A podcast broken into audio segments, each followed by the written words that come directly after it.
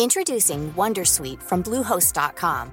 Website creation is hard, but now with Bluehost, you can answer a few simple questions about your business and get a unique WordPress website or store right away. From there, you can customize your design, colors, and content. And Bluehost automatically helps you get found in search engines like Google and Bing. From step-by-step guidance to suggested plugins, Bluehost makes WordPress wonderful for everyone. Go to bluehost.com/wondersuite. Hey Dave. Yeah, Randy. Since we founded Bombus, we've always said our socks, underwear, and t-shirts are super soft. Any new ideas? Maybe sublimely soft. Or disgustingly cozy? Wait, what? I got it. Bombus. Absurdly comfortable essentials for yourself And for those facing homelessness. because one purchased equals one donated. Wow, did we just write an ad? Yes. Bombas. Big comfort for everyone. Go to bombas.com slash ACAST and use code ACAST for 20% off your first purchase. Ready to pop the question? The jewelers at BlueNile.com have got sparkle down to a science with beautiful lab grown diamonds worthy of your most brilliant moments. Their lab grown diamonds are independently graded and guaranteed identical to natural diamonds, and they're ready to ship to your door. Go to BlueNile.com and use promo code LISTEN to get $50 off your purchase of $500 or more. That's code LISTEN at BlueNile.com for $50 off. BlueNile.com code LISTEN. Hej och varmt välkommen till avsnitt 209 i Karriärpodden. Den här veckan gästas jag av Katrin Marsall som är författare och ekonomijournalist på DN och som skriver och föreläser mycket om kvinnor och innovation. Just nu är hon aktuell med sin senaste bok Att uppfinna världen som nu också getts ut i England med titeln Mother of Invention How good ideas get ignored in an economy built for men. Där hon undersöker hur historiebeskrivningen faktiskt gömt undan kvinnors banbrytande uppfinningar. Så här ska vi få lära känna Katrin och hennes resa, men framför allt få höra mer om hennes tes kring kvinnor och innovation och varför det i herrans namn tog så lång tid att komma på att sätta hjul på resväskor och elektrifiera bilar. Och vi pratar också om hur vägen framåt ser ut, där vi värdesätter kvinnors egenskaper och uppfinningar lika högt som mäns. Eftersom Katrin bor i England så spelar vi in det här avsnittet digitalt, där jag sitter hemma i Stockholm och Katrin i sitt hem utanför London. Här kommer nu avsnitt 209 med Katrin Marsall och mig, Eva Ekedal.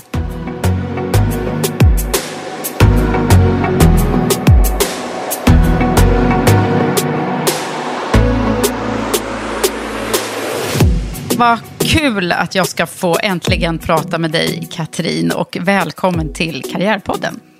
Tack så jättemycket. Det känns extra roligt för jag har ju precis läst din bok eh, och eh, är stum av eh, beundran över det du har kommit fram till och också lite så här, hmm, vi måste ut och missionera mer om det här. Den känslan har jag i, i kroppen och jag tänker att vi ska förstås djupdyka i det. Men innan det så måste vi förstå, vem är du och varför gör du det du gör? Eh, ja, eh, jag heter Katrin Marsall eh, och jag är journalist och författare. Jag bor i Storbritannien sedan 2012, så det är nästan tio år. Jag skriver för Dagens Nyheter härifrån Storbritannien. Ehm, för ett par år sedan så publicerade jag en bok om feministisk ekonomi Um, som nominerades till Augustpriset i Sverige. Men sen framförallt så blev den väldigt framgångsrik internationellt och um, kom ut på 20, över 20 språk under titeln Who Cooked Adam Smiths Dinner. Uh, Margaret Atwood uh, gick och läste den och uh, sa snälla saker om den och, och så vidare. Um, så det gav mig lite av en internationell författarkarriär. Och nu publicerade jag förra året i Sverige en bok om kvinnor och innovation som heter Att uppfinna världen. Och den har precis kommit ut här i Storbritannien där jag bor under titeln Mother of Invention, How good ideas get ignored in an economy built for men. Boktitlar brukar bli bättre på engelska, jag vet inte vad det är. Ja, uh, och den kommer verkligen. ut i, ja, och den kommer ut i USA och Kanada i höst och sen eh, Frankrike, Tyskland, Sydkorea, Italien, Polen eh, och några till länder nästa år.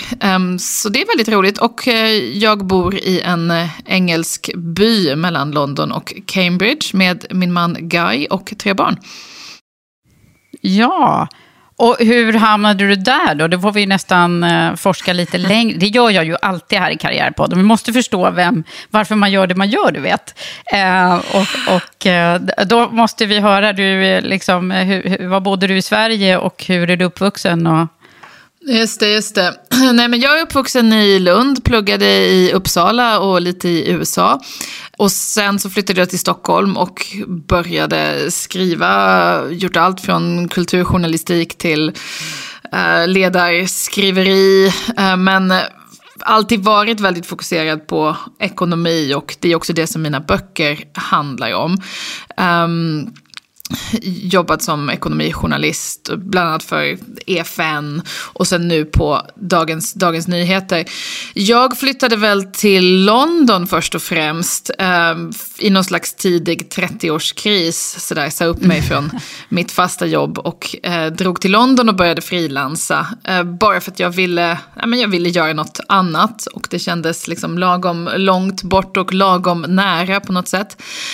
Um, och sen så efter tre månader i London London så träffade jag eh, min man eh, som eh, då jobbade som trädgårdsdesigner och hans jobb ledde så småningom till att vi hamnade här ute på landsbygden. Oh. Har ni ja. en sån här supervacker engelsk trädgård då, ser man framför sig? Ja, det, det har vi. det måste man nog säga. Ja, det har det. Och, ja, och jag gör, jag gör ingenting i den kan jag säga. Men den är väldigt vacker och väldigt eh, stor. Och eh, ja, nej men vi har, vi har det bra. Ja, vad härligt. Eh, men du, har, du någon liksom, har du forskat lite i din egen sådär... Det finns säkert massa nycklar till eh, varför du eh, brinner för det du gör. Vad är det för nycklar som, alltså, som kommer alltså, fram jag, jag vet inte. Eh, ja, alltså, jag har alltid varit, eller väldigt länge varit intresserad av, av ekonomi till exempel, alltså, eller i bemärkelsen de, de stora eh, trenderna och de stora krafterna som på något sätt definierar och formar världen och formar vår tid. Så det har alltid fascinerat mig. Sen blev jag nästan bortskrämd av att läsa lite nationalekonomi på universitetet för jag tyckte det var så. De lyckades inte, inte direkt göra det så, så inspirerande och det var också väldigt, jag menar jag är ändå inte så gammal, jag är, fyller 38 nu så att jag pluggade i Uppsala, jag kan inte räkna men um, det, det var i början av 2000-talet och även då så, så minns jag till exempel hur en professor i nationalekonomi stod framför 200 studenter och sa att eh, pojkar var bättre på att förstå ekonomiska koncept än flickor. Uh, så det Nej. var väldigt, jo visst absolut.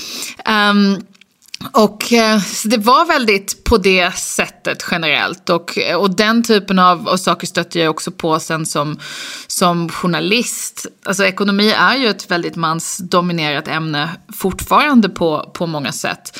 Um, mm. Till exempel, jag, det var något år jag skulle intervjua Nobelpristagarna i ekonomi. Det var ett av de här åren när det var flera pristagare som skulle dela priset. och um, det var så dålig stämning eftersom pristagarna sinsemellan inte gillade varandra så mycket. Ja. Men jag satt i alla fall, um, jag skulle göra tv-intervjuer med dem. Och då kommer en av dem ner och tittar på mig och omedelbart säger han, jaha så, vem skrev dina frågor? Nej. Ja, oh precis. Och då har man ju inget bra svar, eller hur? Man kom ju på va, det där Minns du vad du gjorde? Mumla, alltså säkert väldigt, mumlade väldigt, eh, något väldigt konstigt och försökte bara dra igång intervjun och kände mig väldigt dum som man tyvärr gör för att de där grejerna fungerar ju, eller hur? Ja, och man, man, det är svårt att finna sig i stunden. Men det kan, det, det, åtminstone är det så hos mig. Och därför jag mm. gör det jag gör är någon form av så här det ackumuleras till slut någonstans inuti. Och eh, ja, så att man mm. vill driva den här förändringen. Eh, mm. Som vi väl delar, tror jag, du och jag. Ja, men där befann du dig då. i, i, i eh, journalistyrket. Och det kan man ju också så här, det har man väl en bild av, eh, även om jag, jag har bara sett det utifrån, att det är ganska tuffa bandage eh, vad gäller stereotyper och, och så där också. Ja, alltså, det är som överallt har det, har det så att säga blivit bättre. Och journalistiken har ju framförallt under, alltså när jag kom ut liksom, som journalist så var det väldigt hårda år i bemärkelsen att det var precis när den liksom, digitala, digitala nyheter och allting sådär slog, vilket gjorde att liksom, tidningarnas affärsmodeller bara försvann så att säga. Det fanns inget sätt att ta, ta betalt på nätet riktigt på den tiden som fungerade. Så att liksom mina så här, första egentligen tio år som, som journalist var liksom karaktäriserade av liksom stora nedskärningar var man än jobbade. Um, varje år och så vidare. Och det är ju först nu de, de senaste åren i och med de här nya betalmodellerna på, på nätet som det har, um, ja, som som eh, tidningarna tjänar lite mer pengar igen och jag är på Dagens Nyheter mm. just nu och de går ju mm. väldigt, väldigt bra. Så att jag tror att de där åren som, som ny journalist, att det dels kan vara en, en ganska hård miljö um, och så var det väldigt mycket nytt som hände, alltså allt det där med kommentarsfälten och det stryk som liksom kvinnor och personer som inte är vita fick ta där. Det var ju helt nytt så att folk visste inte hur de skulle hantera det där. Man visste inte själv hur man skulle hantera det där. Idag tror jag vi, eh, man är liksom, alla har blivit, blivit klokare och, och det finns en medvetenhet kring um, ja, det som, som framförallt kvinnor i offentligheten får, får utstå um, när man är ute och har åsikter. Liksom. Precis, och det, det, är värdefullt att vi pratar om det och skriver om det som, som du gör nu också. Du nämnde att eh, det var 30-årskrisen som tog dig till England. Vad bestod den av? Var det, var det liksom eh, jobbmässigt eller, eller vad, vad handlade det om? Jag vet inte. Nej men jag kände mig väl lite på något sätt lite fast. Alltså det, var, jag, det, var, det var när jag flyttade, jag var 28 men jag, jag räknade väl som någon 30-årskris. Nej men jag, alltså det hade gått väldigt bra för mig i någon slags här, Stockholms medievärld och jag fick ett, ett erbjudande om ett, liksom ett väldigt stort välbetalt mediejobb som jag eh, tackade nej till för att det kändes bara eh, fel. Eh, och jag ville inte bli chef och jag ville inte Um, och när man fattar något sånt beslut tror jag, liksom säga nej till någonting som borde vara ett stort steg uppåt och framåt i karriären för att det bara känns väldigt, väldigt fel. Då tror jag att det leder en till att också omvärdera en massa saker. Och jag tänkte runt där och var så här, jaha, men om jag inte vill, vill ta det här nästa stora steg och nu liksom bokstavligen har, har tackat nej till det här det här jobbet, då är det rimligt, nog rimligt att jag också lite kanske byter, inte helt karriär, men liksom börjar klättra på någon annan trappa. För att uppenbarligen ville jag inte till nästa steg i den trappa som jag då höll på att klättra. Och då flydde jag landet. nej, men det, låter, det låter väldigt dramatiskt. Nej, men då bestämde jag mig för att nej, men då flyttar jag väl utomlands och, och frilansar och försöker liksom, uh, se liksom vad, vad det kan leda till. Så att säga. Bara mm. byta miljö är ju, är ju ett bra sätt. Och för mig blev det väldigt bra för det hjälpte mig att få... Det är väldigt svårt som svensk non-fiction-författare att bli översatt, framför allt till engelska. För att just på fackbok... Mm. Ja, alltså det är mycket mm. Skriver du deckare eller romaner är det mycket lättare. Men det, när det gäller fackböcker så framförallt i den anglosaxiska världen så är de liksom kanske inte så mottagliga för andra perspektiv eller andra, andra röster än, än sina egna. Och det, det är ju stor, de är ju stora marknader i sig själva. Och, sen det, och får du inte din bok översatt till engelska så är det svårt att få liksom många andra språk eftersom det inte alltid finns folk på förlagen i eh, Japan och eh, Chile eller vad det nu kan vara som läser svenska. Så att den engelska Nej, utgåvan är liksom väldigt viktig. Ibland finns ja. det men, mm, mm. men eh, och, men då att jag var på plats i London så det hjälpte mig onekligen att få liksom min första bok översatt till engelska och det öppnade i sin tur massa andra dörrar och, och sådär.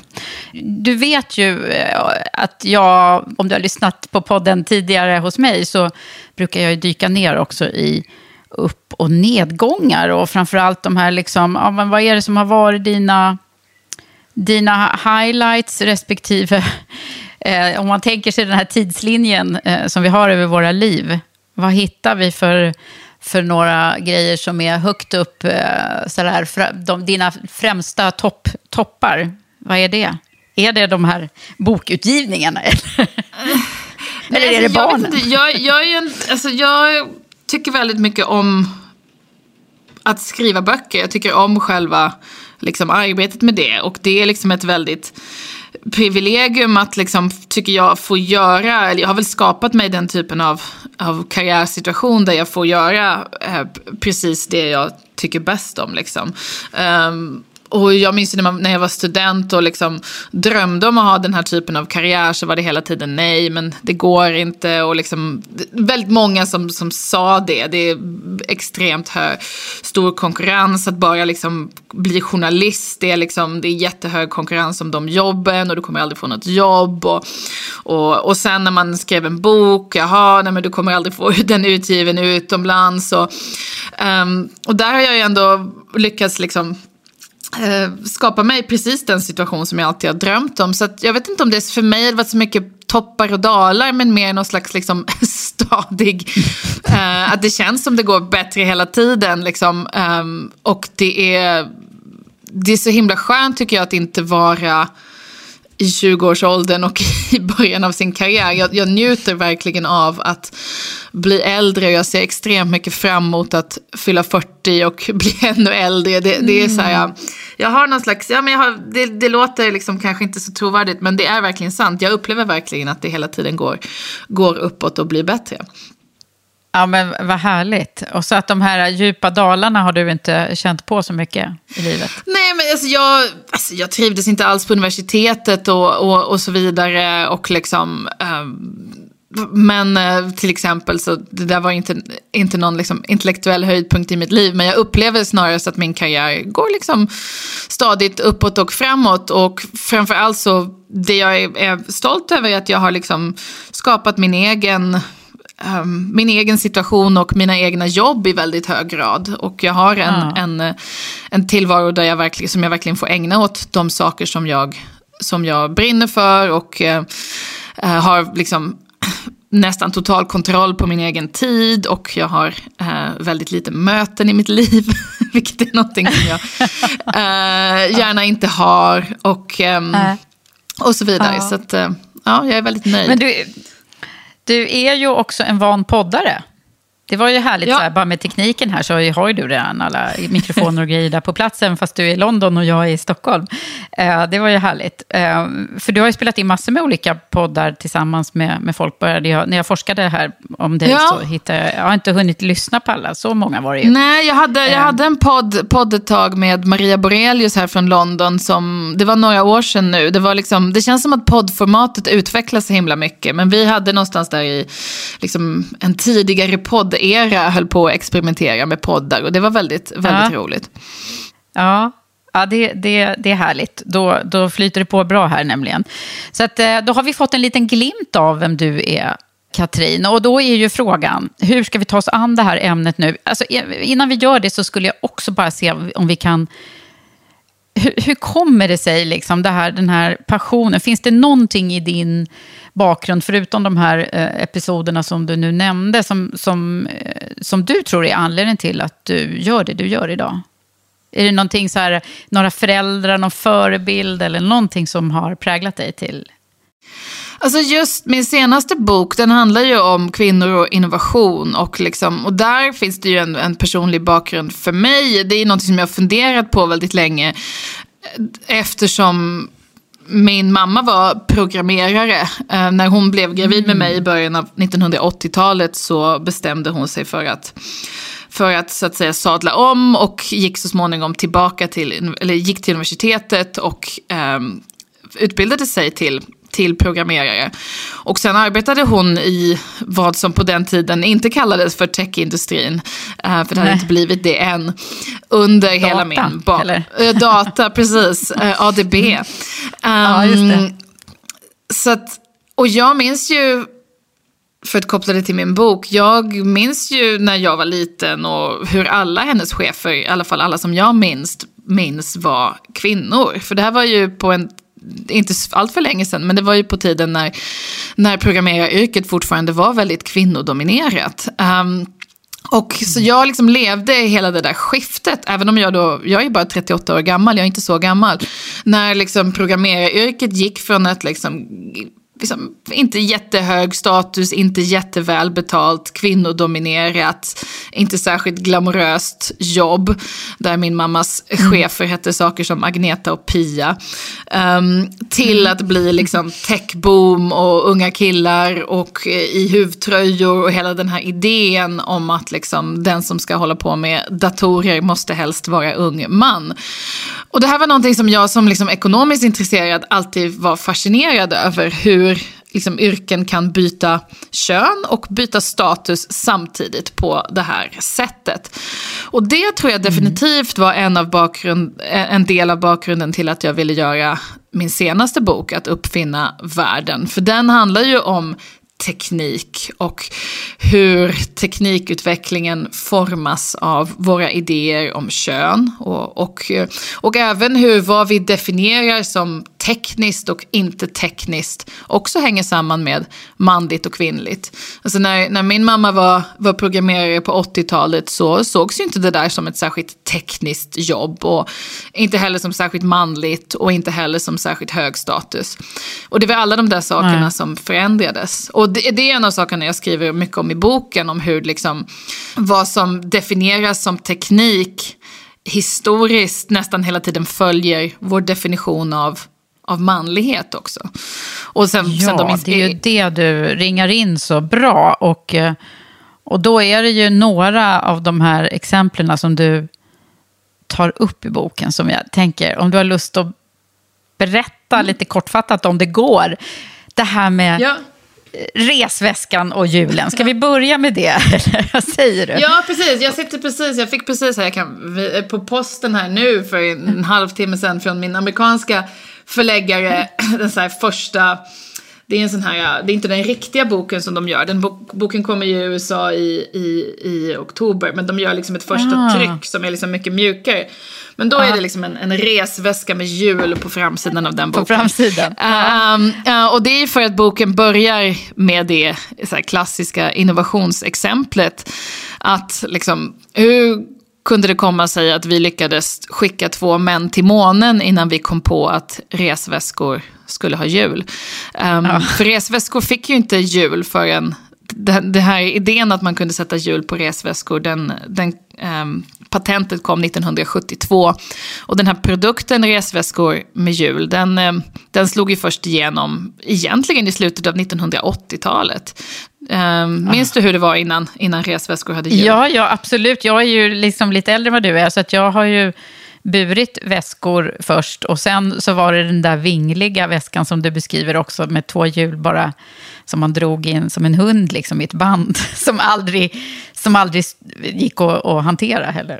Nej, precis. tills, de, tills de här nuvarande fantastiska väskorna som vi rullar runt eh, på kortsidan eh, av väskan som är så mycket bättre. Ja, nej men exakt. Och det här är något som har fascinerat många ekonomiska tänkare eller management eh, författare också. Alltså liksom att vi tror att vi är så himla bra på att uppfinna ny teknik, eller hur? Och vi lever i den mest avancerade och fantastiska av världar. Men den här väldigt enkla grejen, låt oss använda den 5000 år gamla jultekniken för att slippa bära väskor. Det kom vi först på liksom, så himla sent. Så det här är någonting som allt från nobelpristagare i ekonomi till liksom, ja, men många managementtänkare har, har skrivit om. Alltså, vad betyder betyder det här? Och det har liksom blivit något sorts liksom, nästan klassiskt innovationsmysterium. Och när jag då ville ja. skriva den här boken om kvinnor och innovation så, så började jag titta på det här för att, ja, av olika anledningar. Och hittade ju någonting som inte hade, hade hittats förr kring det här. Och det var i brittiska tidningsarkiv som jag faktiskt först stötte på det här. Att, att den här produkten som vi, man alltid har antagit upp, uppfanns på 1970-talet. Jag hittade liksom bilder i brittiska tidningar på resväskor med hjul långt tidigare, alltså 40 och 50-talet. Och, så ganska snart var de här resväskorna med hjul som fanns innan resväskan med hjul hade uppfunnits, hade gemensamt. Och det var att de var nischprodukter för kvinnor. Det här var liksom någon mm. resväska med hjul som visades på någon mässa för hemmafruar i London på 50-talet. Och det fanns liksom såna här eh, hjul som du kunde fästa på din resväska. Och det fanns helt enkelt den här typen av produkter. Men de slog aldrig igenom, det var ingen som investerade i dem. Varför då? Jo, för att det fanns... Ja, varför då undrar man, om det där redan fanns. Alltså, det är helt fascinerande det här. Det var för att det fanns en väldigt stark uppfattning om att ingen man någonsin skulle rulla en resväska. För det var helt enkelt omanligt. Och även efter att den här rullande resväskan uppfanns officiellt på 1970-talet så ville först inga amerikanska varuhus köpa in den. För de trodde inte det skulle finnas någon marknad för den här produkten. För män skulle aldrig använda den, för en riktig man måste bära sin resväska. Och kvinnor skulle visserligen använda den, men kvinnor reste ändå inte ensamma tänkte man sig. Om en kvinna reste så reste hon med en man. Så har man som med sig då... en stark man då, som kan bära Exakt, väskan. Som, liksom. som måste bära. Uh, och det här så det, och det är vad jag argumenterar för i boken, att det var de här idéerna om kön som faktiskt är liksom förklaringen till det här stora klassiska innovationsmysteriet som ingen har, har löst. Nej, och det är, um, Katrin, det är ingen annan som har kommit på det här av de här ekonomiska Nej, inte, det, nej inte vad jag vet. Inte med, med kön. Alltså det finns ju...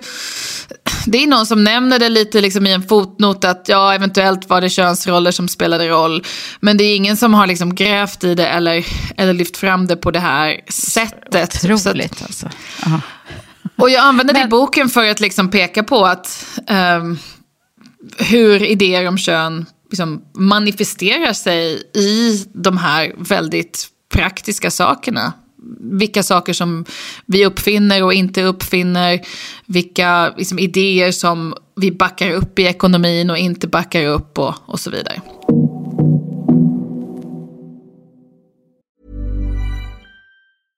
Want flexibility? Take yoga. Want flexibility with your health insurance? Check out United Healthcare Insurance Plans. Underwritten by Golden Rule Insurance Company, they offer flexible, budget friendly medical, dental, and vision coverage that may be right for you. More at uh1.com. Hey, I'm Ryan Reynolds. Recently, I asked Mint Mobile's legal team if big wireless companies are allowed to raise prices due to inflation. They said yes. And then when I asked if raising prices technically violates those onerous two year contracts, they said, What the f are you talking about, you insane Hollywood ass? So to recap, we're cutting the price of Mint Unlimited from $30 a month to just $15 a month. Give it a try at mintmobile.com slash switch. $45 up front for three months plus taxes and fees. Promo for new customers for limited time. Unlimited more than 40 gigabytes per month. Slows. Full terms at mintmobile.com. Hey everyone. I've been on the go recently. Phoenix, Kansas City, Chicago. If you're like me and have a home but aren't always at home, you have an Airbnb. Hosting your home or a spare room is a very practical side hustle. If you live in a big game town, you can Airbnb your place for fans to stay in. Your home might be worth more than you think. Find out how much at airbnb.com/slash host. Introducing Wondersuite from Bluehost.com. Website creation is hard. But now with Bluehost, you can answer a few simple questions about your business and get a unique WordPress website or store right away. From there, you can customize your design, colors, and content. And Bluehost automatically helps you get found in search engines like Google and Bing. From step-by-step guidance to suggested plugins, Bluehost makes WordPress wonderful for everyone. Go to bluehost.com/wondersuite. Hey, I'm Ryan Reynolds. Recently, I asked Mint Mobile's legal team if big wireless companies are allowed to raise prices due to inflation. They said yes. And then when I asked if raising prices technically violates those onerous two-year contracts, they said, "What the f*** are you talking about? You insane Hollywood ass." So to recap, we're cutting the price of Mint Unlimited from $30 a month to just $15 a month. Give it a try at mintmobile.com slash switch. $45 up front for three months plus taxes and fees. Promo for new customers for limited time. Unlimited more than 40 gigabytes per month. Slows. Full terms at mintmobile.com. Jag måste säga att jag tycker att eh, det exemplet som jag nästan gillar mest är eh, elbilen, eh, som du ju också pratar om, eftersom det är ju där vi är så mycket just nu i elektrifiering av hela fordonsindustrin i diskussionerna. Och sen så kommer du här med ett exempel som säger att nej men vadå, kvinnorna körde runt i elbilar på, redan på 1800-talet i slutet där. Mm. Mm. Ska vi dra det exemplet lite kort ja. också?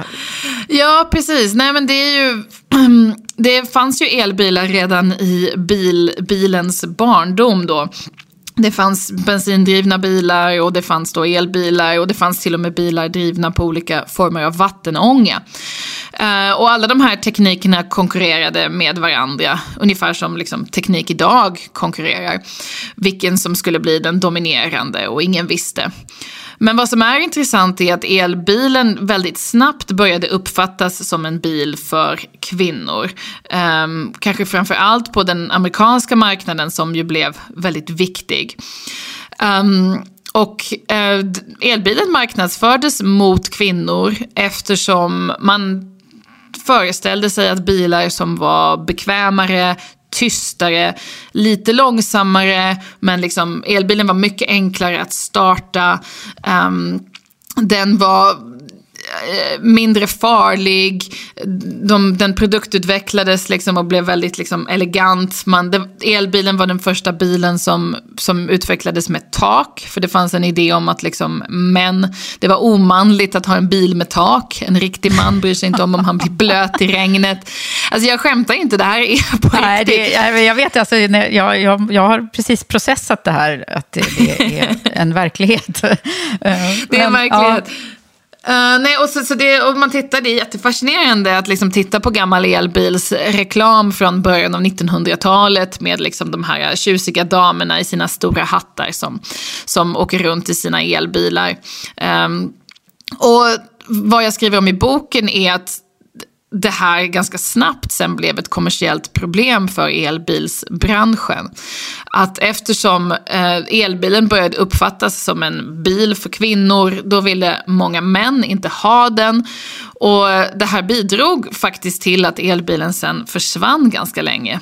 Det var inte något huvudskäl, det fanns liksom massa andra skäl till att den bensindrivna teknologin vann. Men, men det här med idén om elbilen som, som kvinnlig och idén om att liksom en, en bil måste vara mm, som, illaluktande och brumma och, och så vidare för att kunna appellera till män. Det fanns där och det spelade eh, liksom roll till och med i det här liksom väldigt stora liksom beslut som vi någonstans fattade där i början av 1900-talet om liksom vilken typ av vilka typ av bilar vi skulle ha. Och så sen byggde vi en, en värld för bensindrivna bilar och det är precis som du säger först nu som vi kanske har börjat tänka om där då drar ju du parallellen så himla klokt att vad hade hänt om vi istället hade fortsatt utveckla elbilarna, eh, mm. som ju då ansågs kvinn, kvinnliga. Eh, vad hade vi landat idag då, liksom, när det ja. gäller klimatet ja, var... och allt, eh, miljöfrågorna, som ju är så... Eh, och kanske hade man då kunnat utveckla ett... Eh, och jo, men du drog ju också parallellen där kring det här med hur, hur man också hade någon idé om hur man skulle kunna dela på bilar och så. Ja, alltså det är Inte väldigt, äga väldigt sin egen bil. Ja, exakt. Det är väldigt många av de idéer som fanns redan i slutet av 1800-talet som idag slår en, eller slår åtminstone mig som väldigt sådär framåtsyftande. Alltså, eftersom elbilarna var dyrare att producera så, så alltså den, den här idén om att liksom en bil är någonting som varje familj äger och som ska liksom stå på garageuppfarten framför varje hus, den fanns ju inte än. Utan man visste inte riktigt vad de här eh, nya hästlösa vagnarna som de kallades liksom skulle vara för någonting.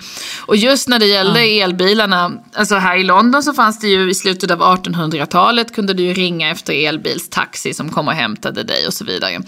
Så att, eh, och, och det fanns liksom affärsmodeller där man just tänkte sig att man skulle liksom dela på, på de här elbilarna. Och eh, elbilarna fungerade ju på den tiden väldigt dåligt utanför storstäderna för att vägarna var för dåliga. Men liksom för stadstrafiken, liksom någon form av modell med liksom e- elbilar som susade runt och som man kunde ringa efter. De idéerna var liksom stora i slutet av 1800-talet. Eh, men eh, så blev det ju inte. Nej. Ja, det där var ytterligare ett exempel på hur liksom innovationen egentligen har, har dött lite för, för den sidan då som, som du nu identifierar också som mer åt det kvinnliga hållet. Och hur mycket det styr eh, våra, våra yrken också är du inne på. Eh, det här med med yrkes, eller det var det du började med här nu också, tänker jag, med, med eh, vad som anses kvinnliga och manliga yrken. Ja, och därmed nej, också alltså, löner. mm. Ja, precis. Alltså, min bok handlar ju om liksom, teknik och innovation, men det får ju också väldigt stora ekonomiska konsekvenser som jag intresserar mig mycket för. Alltså det är det här, alltså ta min mammas exempel hur liksom programmeraryrket gick från liksom låg status och kvinnligt. Världens första programmerare var, var kvinnor, det var här i, i Storbritannien eh, under andra världskriget. Um, och sen så hur det då förvandlades till hög status och manligt och började betraktas som väldigt, väldigt tekniskt. Um, så det är ofta de, de yrken som, liksom, som vi betraktar som tekniska som, som blir högre status i ekonomin. Och vad jag beskriver i boken är hur just den här definitionen av vad som är teknik och vad som inte är teknik följer liksom våra definitioner av manligt och kvinnligt. Alltså vi pratar ju om bronsåldern och, och järnåldern. Men vi hade ju lika väl egentligen kunnat prata om till exempel keramikåldern eller liksom eh, linneåldern.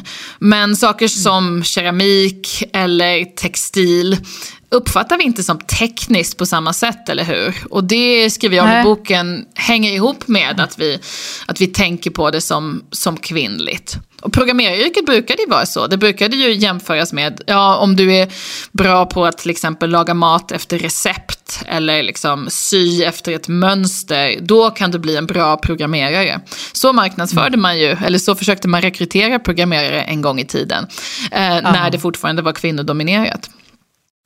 Ja, men du är också inne på en väldigt intressant sak som jag har stött på väldigt mycket då, eh, det vill säga hur man definierar och hur man ska så här, febrilt försöker att få fler kvinnor att söka sig till, till teknikyrken. Eh, nu de senaste åren, när jag, eh, eftersom jag har min bakgrund och fortfarande jobbar med rekrytering och headhunting till de här yrkena, så bland annat, så är det ju eh, så här, jag vet inte hur många paneldebatter och diskussioner jag har suttit i när man har suttit och liksom försökt att vända och vrida på den här. Men jag tycker du sätter fingret på det här. Vad är teknik egentligen och hur definierar vi det? Ja men alla de där konferenserna med liksom kvinnor, women in tech och rosa ballonger och mm. alltså det finns ju mycket sånt i London också liksom. Men man har ju nästan glömt bort att Alltså bara den här historien, min mammas generation, alltså det är inte så långt tillbaka i tiden. Men nu pratar man nästan om det som om liksom kvinnor aldrig har funnits i de här yrkena. Och i själva verket så uppfann kvinnor mjukvara. Liksom. Det är jättekonstigt. Mm.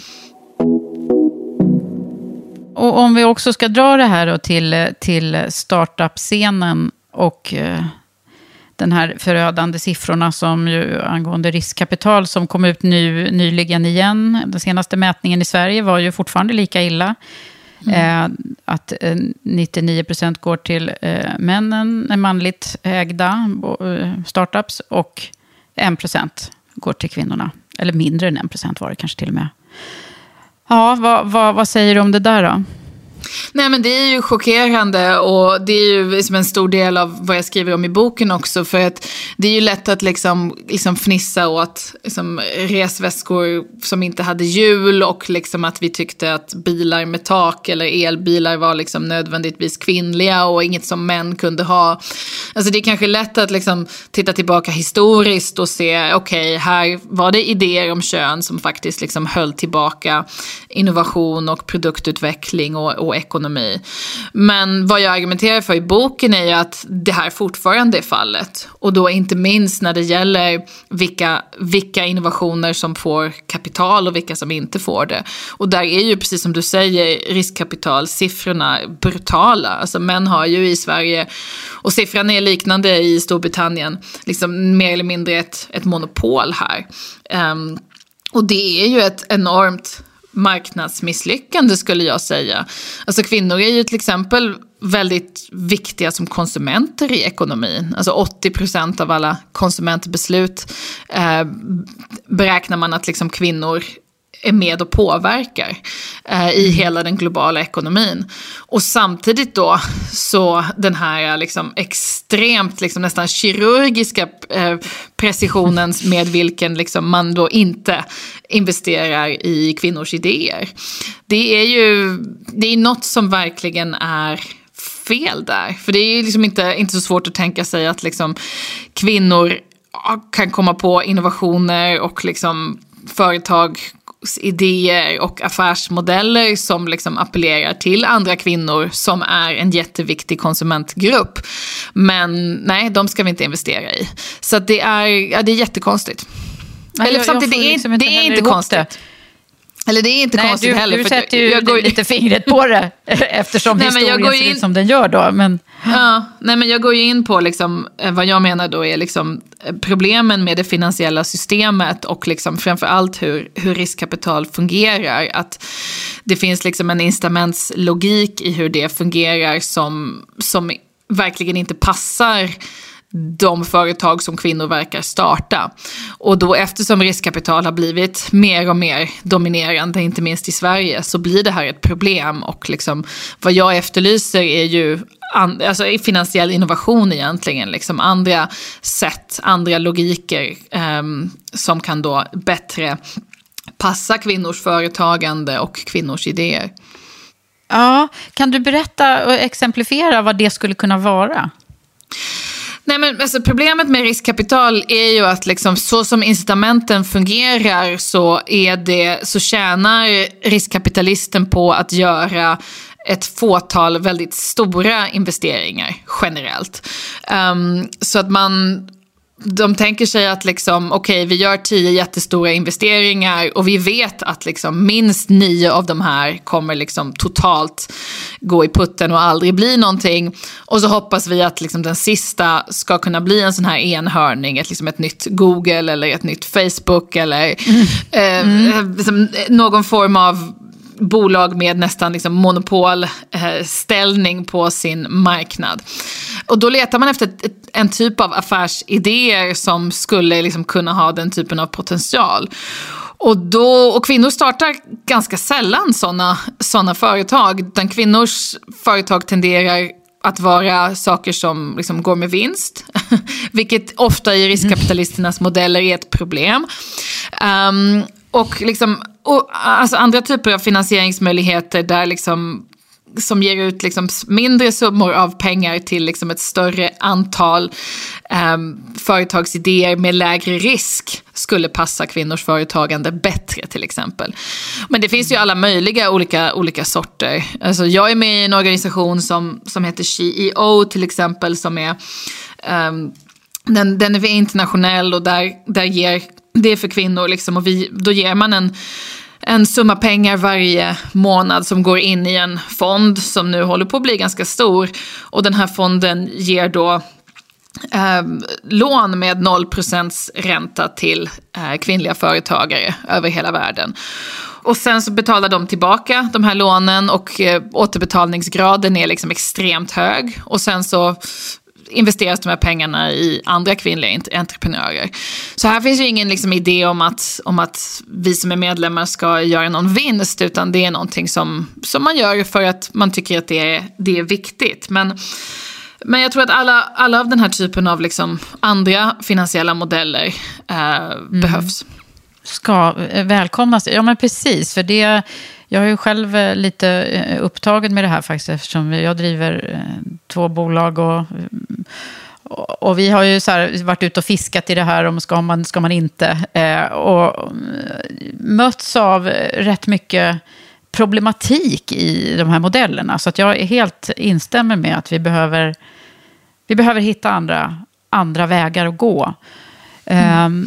Men Eh, det finns en annan frågeställning som jag gärna vill prata med dig om också. Och det handlar om en sak som vi i Women for Leaders pratar väldigt mycket om, eh, nämligen ledarskap och eh, det moderna ledarskapet som vi tror krävs i, i framtiden för att, att leda de, de organisationer framåt. Och jag har ju intervjuat väldigt många kvinnor, kvinnliga ledare, och tror mig eh, nästan kunna eh, skönja att det finns en hel del i, i det som de här kvinnorna säger att de redan gör idag, som är mycket av det moderna ledarskapet. Som, men vad tänker du om det här? Vad tror du liksom krävs för att vi ska få mera jämställda och sunda och innovativa företag?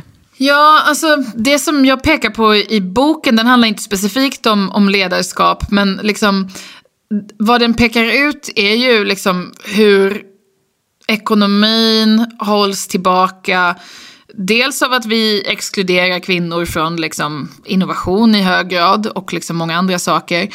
Men också det här som liksom att saker och ting som uppfattas som kvinnliga, så fort någonting stämplas som kvinnligt så stämplas det nästan också som liksom mindre värt eller inte lika viktigt eller, um, eller lite fluffigt och, och så vidare. Men du förstår vad jag menar. Och det kan vara allt från mm. liksom, liksom att, att rulla en resväska, usch vad kvinnligt, det där ska vi inte hålla på med.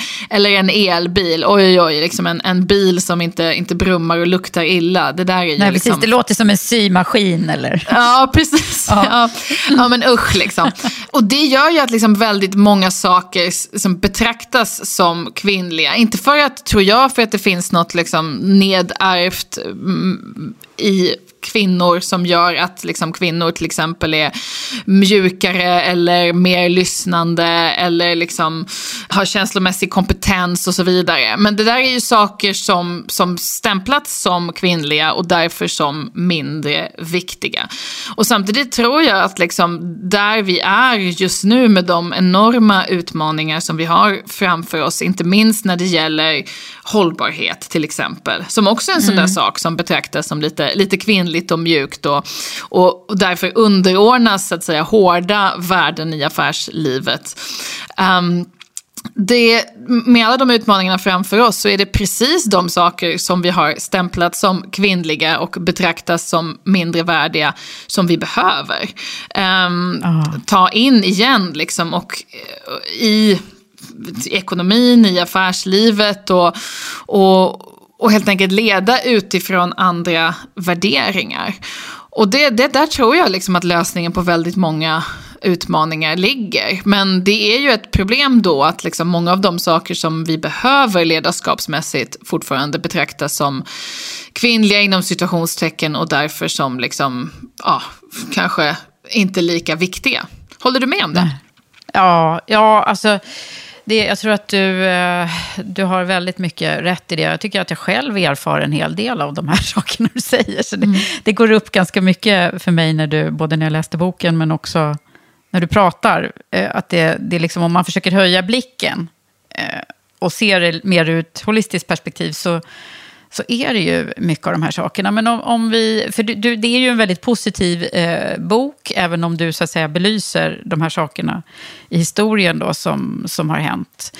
Eh, vad, vad, är det för no någonting som du, som, om, om du skulle få liksom rule the world, vad är, det, vad är det för penseldrag du skulle göra då? Alltså, alltså för, för att förändra de problem som jag pekar på i boken. Ja. Nej, men alltså, mm. nej, men dels, så, dels så tror jag ju mycket på liksom att, att det finansiella systemet behöver förändras. Alltså, vi kan inte fortsätta ha en situation där liksom män har monopol på riskkapital. Och då kan man ju förstås säga mot det att liksom, ja, men det finns ju många andra sätt att få finansiering för nya idéer. Absolut, men det är liksom generellt mycket, mycket svårare för kvinnor att få kapital än män. Plus att liksom riskkapitalet det är ju, liksom, det är ofta de här liksom väldigt, de här idéerna som blir jättestora och liksom dikterar, plötsligt dikterar regler på liksom hela marknader som får den typen av, eller som har fått den typen av finansiering. Så att liksom om, om 99% av riskkapitalet i, i Sverige går till män så betyder det att liksom framtidens mediciner och affärsmodeller och eh, robotar och artificiell intelligens eh, skapas av män just nu. Och det är ju inget fel på män överhuvudtaget, men det är ju något fel, något liksom på allvar fel med ett system som stänger kvinnor ute på det där sättet. Och jag blev glad mm. när du säger att, när du sa att boken var en hoppfull bok, för att det är många andra som mm. har sagt att bok, boken gjorde dem så arg. Um, och, och jag ville ju att boken skulle vara just hoppfull, så att jag, ja. du har liksom läst, läst den på det enligt författaren korrekta sättet, så tack för Aha, det. Vad bra då. Um, nej men jag, jag, jag ser ju det där som liksom något, något hoppfullt. Alltså, om vi tittar på liksom all teknik och all innovation vi har omkring oss, liksom, det är, och sen tänker på att vi just nu liksom, um, ägnar oss åt innovation med ena handen nästan bunden bakom ryggen med tanke på hur mycket vi exkluderar kvinnor från att vara med och liksom forma framtiden här och uppfinna världen. Då, då måste man ju bara tänka på liksom den enorma potential som, som vi har om vi skulle då klippa det där bandet och faktiskt använda, använda två händer och, och inte låta mm. eh, innovationen hållas tillbaka av de här liksom, idéerna om kön. För vad jag pekar på i boken är också att de förändras. Alltså på, på liksom början av 1980-talet så ansågs det liksom otänkbart att någon man någonsin skulle rulla en resväska. Och idag är det helt självklart. Elbilar ansågs vara liksom värsta sortens tantbilar. Och idag är det ju fler män än kvinnor som kör elbil. Så att de där sakerna förändras också. Um, ja. Och det tror jag man måste, man, måste, man måste tänka på. Ja, men alltså, det, det, jag tänker att det handlar ju om eh, det som vi, vi brukar prata om i, i Women for Leaders, som ju har som, som syfte att vi ska få fler eh, kvinnor på toppositionerna, eh, eller fler kvinnliga ledare generellt sett. Och det handlar ju inte om att vi ska liksom ta över alla, alla roller, utan det handlar om att vi ska jämna ut eh, siffrorna. Och det är ju inte ett, ett egenvärde i sig, utan det handlar ju om att ta tillvara på hela jordens begåvningsresurser. Och det är ju ungefär det eh, som du säger här också. Om vi liksom, det blir ju bättre om vi kommer på att elbilen var en bra sak från, från början, än att vi ska liksom börja från, lite från scratch nu, kan man ju känna, när man, Nej, när man jag tänker på det. Mm. Ja, men precis. Jag tror att vi också, liksom, det, ju, det, finns ju pengar att tjäna här. Alltså som det som vi pratade om för en mm. stund sedan, liksom, kvinnors enorma konsumentmakt i ekonomin. Liksom. Då är det klart att det finns liksom, en enorm potential att, att liksom, skapa produkter och tjänster och, och, och teknik för kvinnor. Mm. Uh, varför gör vi inte det i högre grad? Liksom? Och då behöver man ju ha med sig kvinnor på ett sätt som, som vi inte har idag. Ja, jag tycker du verkligen gör nytta med din bok här. Den kommer säkert att läsas i, i skolor och annat också. Tror du inte det? Ja, nej, men det har varit väldigt roligt. Alltså, den gick ju väldigt bra i Sverige. Och eh, det var väldigt roligt. Alltså, det var framförallt liksom väldigt mycket så här, civilingenjörer som som hörde av sig och liksom mycket manliga civilingenjörer måste jag säga mm, som liksom tyckte okay. boken var toppen. Och, och det, det, de var ju kanske inte sådär någon slags liksom huvudmålgrupp för mig när jag skrev den men, men de blev verkligen det i Sverige. Eller så är de det. ja, ja, de har inte varit det i England kan jag säga. liksom, Nej, men, det, men, men, just... jag är bara nyfiken, men har du märkt någon, har du fått någon som liksom har varit kritisk också?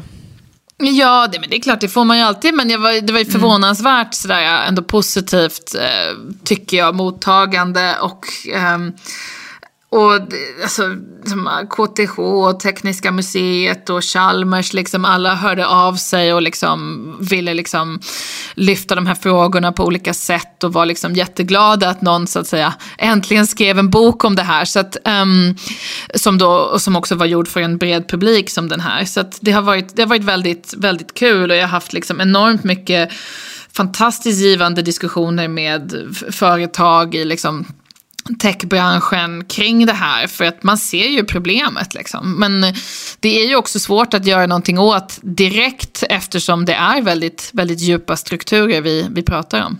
Om du skulle lite sådär avslutningsvis eh, summera lite dina så här, dina bästa tips och eh, findings kring det du håller på med. Hur låter det då? Om min bok eller? Ja.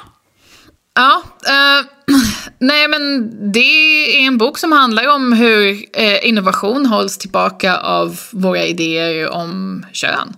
Hur det kunde komma sig att vi inte fick hjul på resväskor förrän 1972 och hur elbilar uppfattades som kvinnliga i slutet av 1800-talet och hur det kom sig att eh, det var bh teknologi som tog oss till månen på, på många sätt. Och jag försöker knyta ihop det här till en större berättelse om hur kvinnor utesluts från innovation och vad det kostar oss alla, både i, i, i pengar men också i, i teknik och utveckling. Och eh, ja, det är väl någon slags uppmaning till att korrigera det här och göra någonting åt det och uppfinna världen på ett mer inkluderande sätt.